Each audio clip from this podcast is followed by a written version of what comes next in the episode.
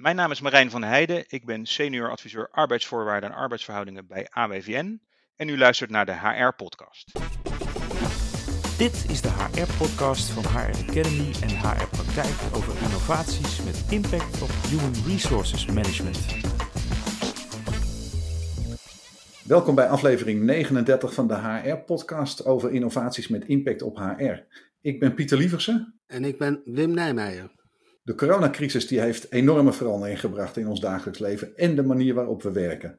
Want als je nou een jaar geleden had gevraagd of het gewoon wordt dat het merendeel van de kantoorwerkers thuis werkt, dan zou dat onmogelijk zijn. En nu is het de norm. Met alle voor- en nadelen van dien. En ook anders werken, afstand houden, hygiënemaatregelen, tal van aanpassingen die het werk nu anders maken dan voor corona. En wat de crisis eigenlijk ook pijnlijk duidelijk heeft gemaakt, is dat het in Nederland gebruikelijke systeem van arbeidsvoorwaarden en cao's totaal niet crisisbestendig is gebleken.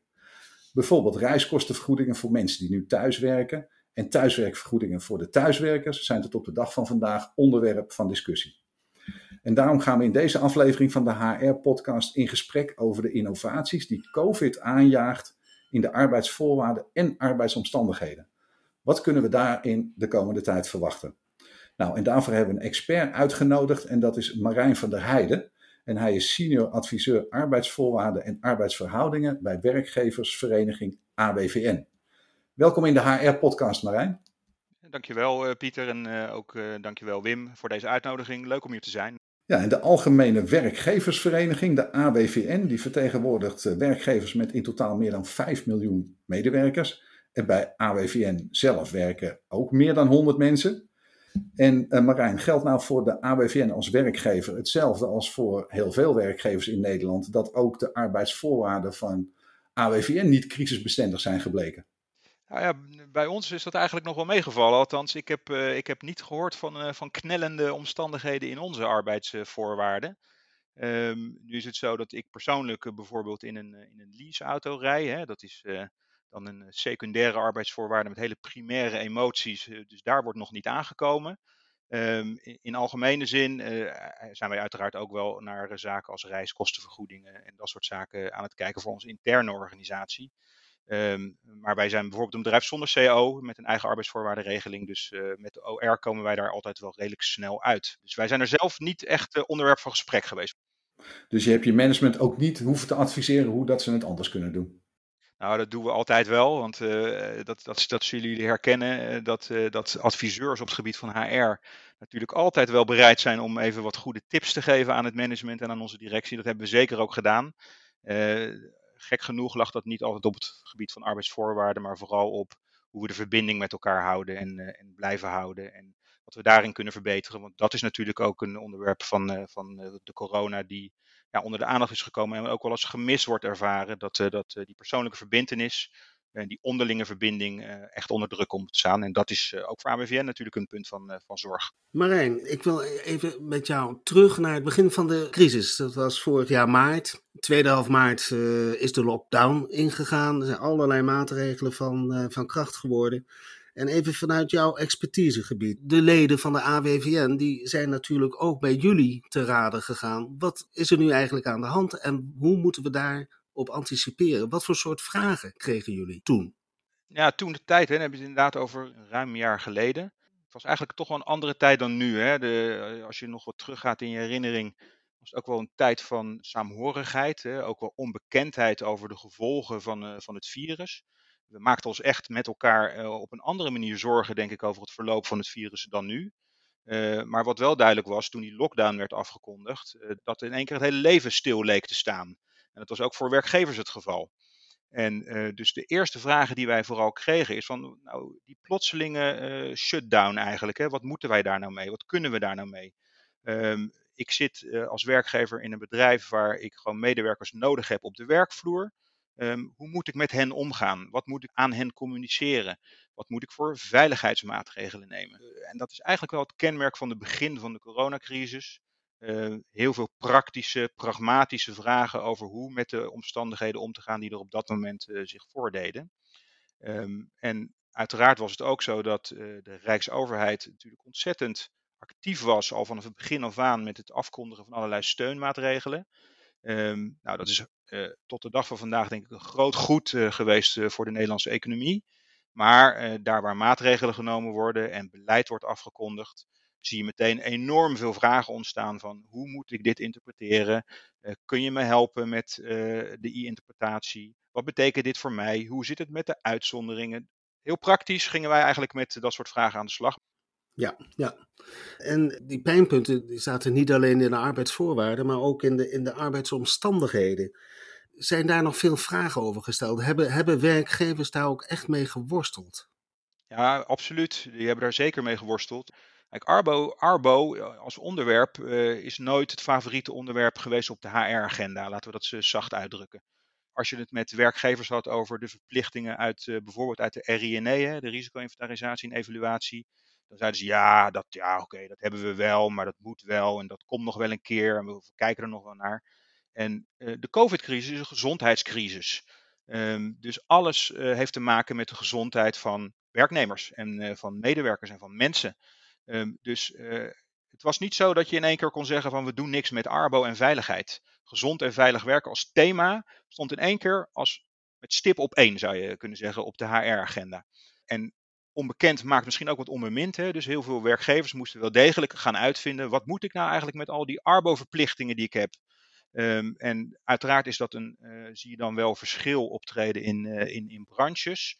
Uh, financiële dienstverlening, zakelijke dienstverlening werkt eigenlijk volledig vanuit huis. wat moet je dan met Arbo? Nou, toen in het begin van de crisis helemaal niet zoveel, want we hadden het helemaal niet over de veilige thuiswerkplek of dat soort zaken. Um, in productieomgevingen was de zorg natuurlijk des te groter. Um, want wij moeten een fabriek draaiende houden en we hebben personeel hier nodig. En wat is dat dan, anderhalve meter afstand houden? Uh, wat zijn dat dan persoonlijke beschermingsmiddelen? Wat zijn dan mijn verantwoordelijkheden? Kan ik mijn personeel nog wel in dat busje naar het werk laten komen? ook daar veel praktische vragen, um, maar met een onderwerp wat eigenlijk uh, volstrekt onbekend was eigenlijk op de, op de HR-agenda.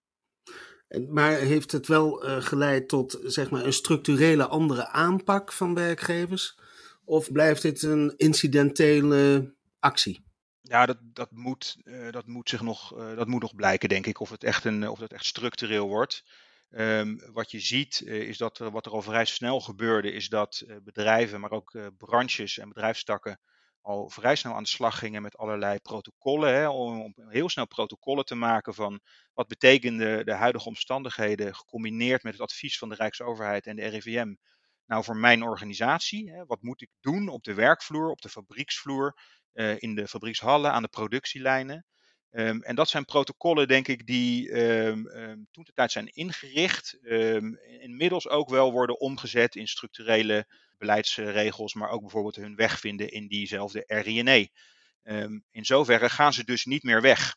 En uh, ik denk dat het vanuit het uh, perspectief van AWVN, maar ik denk ook wel van, vanuit HR in algemene zin, toch wel goed zou zijn als die, die aandacht voor gezond en veilig werken wel hoog op de agenda blijft staan. Omdat we A nog niet uit de crisis zijn. En B, we weten één ding zeker, uh, we zitten altijd in de ene laatste crisis. Uh, en, en, de volgende crisis weten we nog niet hoe die eruit ziet. Ja, zeg maar na een aantal maanden heb je natuurlijk in de gaten en heeft heel Nederland of de hele wereld in de gaten. Dit gaat niet zomaar voorbij. Zijn jullie daardoor ook anders gaan adviseren in de zomer of in de late nazomer? Inderdaad, in de, uh, de, eerste maanden na maart, zeg maar, uh, focussen zich vooral dan op die, die steunmaatregelen en uh, de veiligheidsprotocollen.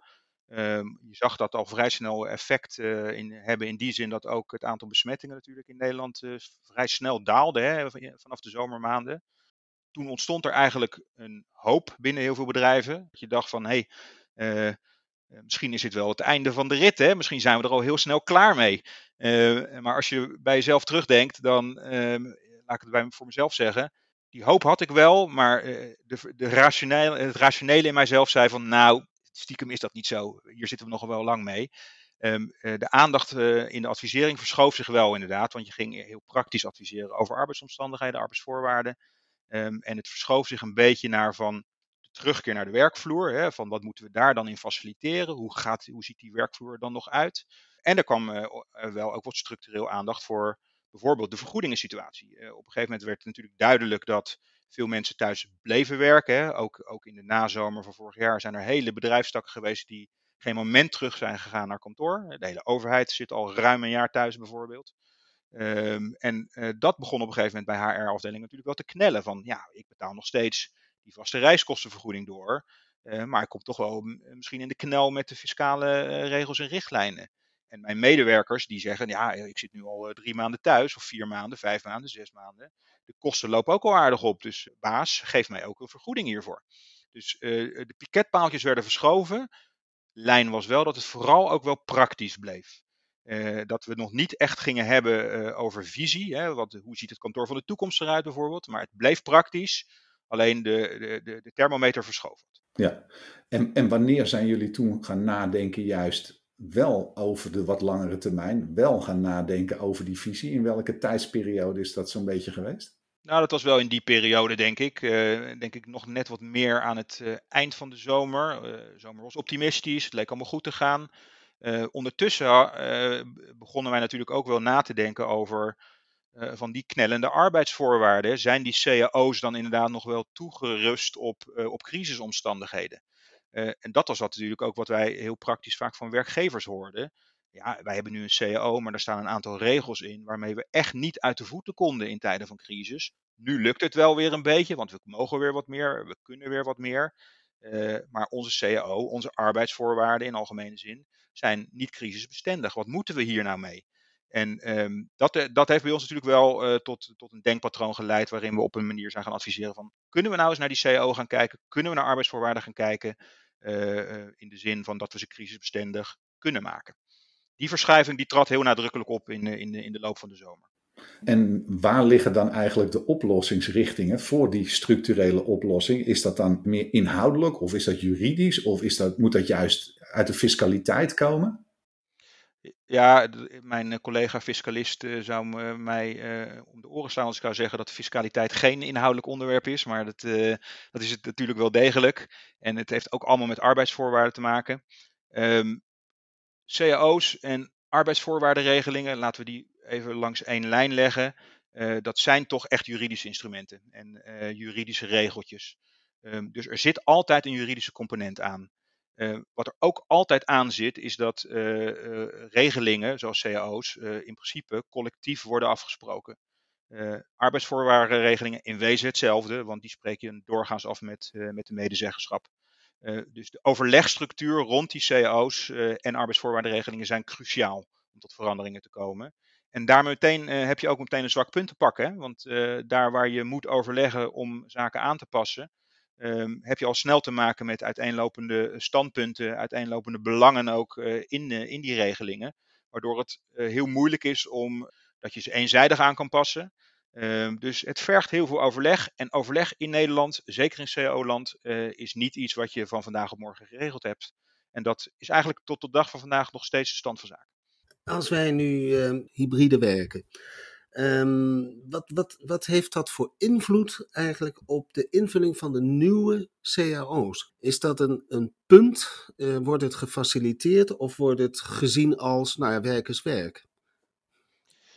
Nou, in, ik denk dat het op het vlak van, van, de, van de echt van de collectieve regelingen, de CAO-regelingen, dat het daar nog ineens zo heel veel effect heeft of het moet gaan over de, inderdaad de uitwerking van uh, het hybride werken in allerlei regelingen.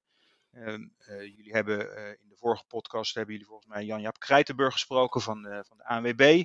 Die heeft het waar je werkt budget bij hem in de organisatie geïmplementeerd. Daar zie je een voorbeeld van een CAO-afspraak waarin gekeken wordt naar de toekomst, maar waarin regels zijn, eigenlijk zijn vastgesteld manier dat ze min of meer voldoen aan de criteria die hybride werken met zich meebrengt. Um, dus dat is een uitwerking van, um, uh, van de nieuwe CAO, zeg maar, die ontstaan is door crisistijd. Um, in algemene zin uh, is het zo dat wij als AWVN zijnde ook zeggen van eigenlijk moet je zo'n CAO eigenlijk hoofdstuk per hoofdstuk en misschien wel artikel per artikel uitpluizen om te kijken van, uh, van welke artikelen zijn nou crisisbestendig en welke niet. Um, en uh, als je dat doet hè, en heel consciëntieus doet, uh, dan zal je zien dat dat om best wel veel juridische regelingen gaat, fiscale regelingen, noem maar wat op. En veel minder over regelingen die met, uh, met de werkplek te maken heeft. Arbo-regelingen ehm, en, en, regelingen vanuit de, de Arbo-wetgeving, die staan niet altijd in de CAO. Hè. Die worden ook vaak met de medezeggenschap af, afgestemd. Dus zijn ook vaak niet onderwerp van gesprek aan die CAO-tafel. Ehm, dat dat in de toekomst mogelijk gaat veranderen, omdat je de CAO natuurlijk als instrument ook weer een stuk wendbaarder wil maken, juist om crisisbestendig te worden. Dat sluit ik niet uit. Uh, maar hybride werken in, uh, is degelijk, wel degelijk een onderwerp van gesprek aan de HR-tafel, maar niet zozeer aan de CAO-tafel. Maar jullie noemen dat volgens mij schokbestendige arbeidsvoorwaarden. Ja, klopt. Kan, kan je een voorbeeld geven van een schokbestendige arbeidsvoorwaarde? Nou, een, een goed voorbeeld daarvan is dat je uh, afspreekt uh, dat je um, het hele personeel een, loonsverhoging toekent hè, voor een x aantal jaar. Dat is natuurlijk wat je vaak doet in een, in een CAO. Um, maar dat je rekening houdt met de schok. Hè, de schok die mogelijk gaat komen, de crisis die mogelijk gaat komen. En dat je die crisis die mogelijk gaat komen zo goed mogelijk omschrijft. En dan gaat zeggen, nou, er zijn voorwaarden waardoor wij de afgesproken loonsverhoging bijvoorbeeld uh, op zouden kunnen schorten uh, voor een deel. Hè, mensen leggen het ook nog wel eens uit dat, en zo zijn wij, uh, worden wij ook nog wel eens een beetje geframed, zou ik haast zeggen, door de vakorganisaties. Dat wij roepen dan van ja, maar we moeten ook allemaal werknemers loon in kunnen laten leveren en dat soort zaken. Nou, dat is niet per se wat wij willen. Hè. Wij zeggen alleen van kijk ook naar die loonparagraaf om te kijken van hoe kan je de negatieve consequenties voor werkgevers, namelijk die enorme loonlasten op het moment dat je met enorme omzetverliezen te kampen krijgt, hoe kan je die dempen door daar aan de voorkant afspraken over te maken? En misschien is het goed om te noemen, hè, de, een uh, recent afgesloten CAO is die, is die van de BOVAG. Um, daar staat ook uh, een, een, uh, een, crisisclausule in, als je die zo noemen, die eigenlijk op die manier werkt zoals ik het net omschreef. Um, de BOVAG is, jullie kennen hè, de, de, de branchevereniging van garagehouders en, en reparatiewerkzaamheden aan auto's die hebben ook gezegd van ja, een deel van onze leden die kan het best goed doen in crisistijd en een deel van onze leden doet het minder goed. We spreken een collectieve verhoging af voor al onze leden. En blijkt nou dat, uh, dat er één of meerdere leden van ons het slecht hebben uh, door de crisis, dan zijn zij in staat op basis van de CAO-afspraken om de nullijn te hanteren. En daar zijn dan ook meetbare criteria voor afgesproken? Daar zijn, uh, daar zijn vooral vertrouwenscriteria voor afgesproken. maar er zijn wel degelijk ook meetbare criteria voor afgesproken. En dan moet je echt uh, denken in de, in de trend van de winst- en verliesrekening. Ja. Zo meetbaar moet het zijn. Ja. Je, je blijft natuurlijk in, in contact met werkgevers en vakbonden, al de partijen die aan de tafel zitten. En als je het nu over schokbestendige arbeidsvoorwaarden hebt, dan is dat toch de bedoeling dat dat niet bij de volgende onderhandelingen weer van tafel gaat. Nee, in, uiteraard. In zoverre dat klopt helemaal. Ik, ik denk ook dat waar, daar waar we nu in slagen om dat soort schokbestendige afspraken te maken, werkgevers daarin slagen, dan zal het niet zo zijn dat wanneer de crisis straks voorbij is, dat die afspraken weer meteen van tafel gaan. Dat kan, uh, dat, dat kan ik me eigenlijk niet voorstellen. Vaak is het gewoon een feit van dat verworvenheden in afspraken eigenlijk lang nawerking hebben in zo'n CAO. Die, die, dat, dat worden soort verworven rechten en daar, daar ga je niet heel snel van af. Um, maar de eerlijkheid gebied, gebied te zeggen dat we in, in het veruit het grootste deel van de CAO's nog lang niet zo ver zijn. dat we daar nog steeds over de traditionele onderwerpen spreken als de, de loonparagraaf, de pensioenen en alles wat er met het pensioenakkoord op ons afkomt. En veel minder over die, over die crisisbestendige, wendbare CAO, uh, die wij graag zouden willen zien als werkgeversvereniging. Uh, ik, ik, meen dat de, de AWVN vooral naar grote, grotere raam-CAO's wil, hè? Nou, nee hoor, niet per, niet per se. Nee, wij, wij zijn bij, bij tal van CAO's betrokken, bij het merendeel van alle CAO's in Nederland. En dat doen we zowel op brancheniveau, bedrijfstakniveau, als voor kleine individuele bedrijven. Um, en daarnaast hebben wij ook uh, nog de nodige leden die helemaal geen CO hebben, die gewoon een, een arbeidsvoorwaardenregeling hebben, waarin we ook adviseren. Um, dus we zijn niet, niet per se op het pad van dat we alleen maar die eh, hele grote overkoepelende CO's hebben. Wij geloven wel, we geloven wel in het CO-instrument, dat laat dat duidelijk zijn. En we geloven ook in die, in die krachten in de Nederlandse polder om tot goede arbeidsvoorwaarden te komen. Het CO-model op zich is een heel waardevol model. Uh, maar we denken wel dat het, het, model en het instrument zelf uh, flinkelijk verf mag gebruiken.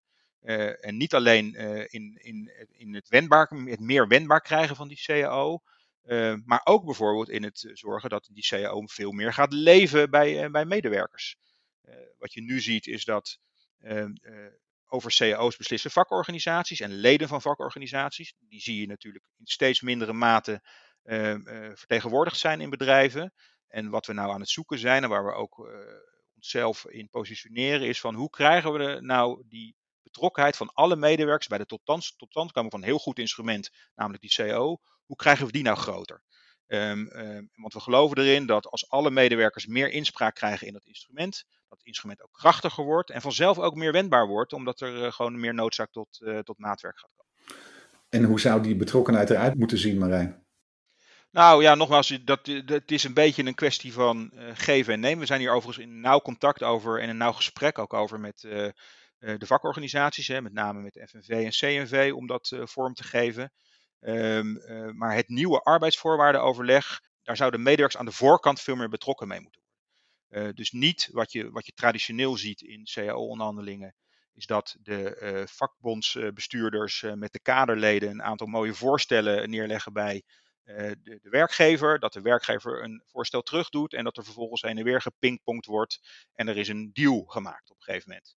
Um, nou, wij zeggen, en ook eh, FNV en CNV zijn daar overigens best voorstander van, het is een beetje zoeken nog naar de vorm, maar laten we nou in die voorstellen die we willen doen om tot uh, die nieuwe CEO te komen, dus voordat onderhandelingen daadwerkelijk plaatsvinden, laten we nou naar manieren zoeken om de mening en de meningen van al die medewerkers zo goed mogelijk naar voren te brengen, om uh, als kader te dienen voor die gesprekken aan de CAO-tafel.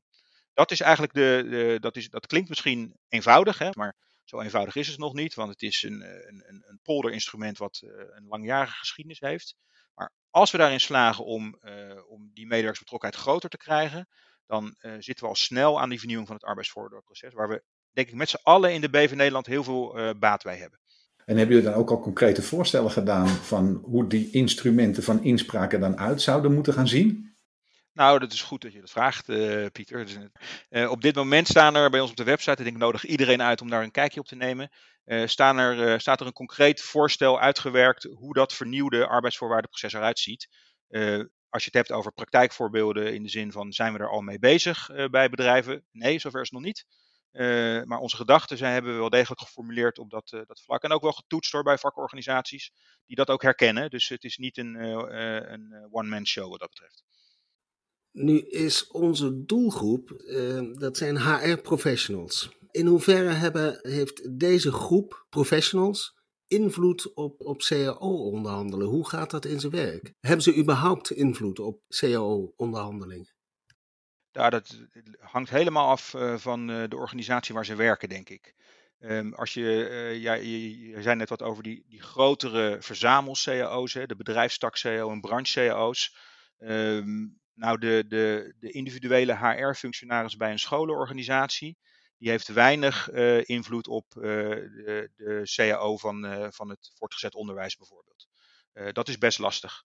Ehm, als je het hebt eh, over een uh, ondernemings-CAO van een uh, industriële onderneming van, van 300 werknemers, daar zitten de HR-medewerkers en de HR-professionals zitten gewoon letterlijk aan tafel van die CAO. En die spreken met vakbonden en met mij en mijn collega-adviseurs spreken ze over diezelfde CAO.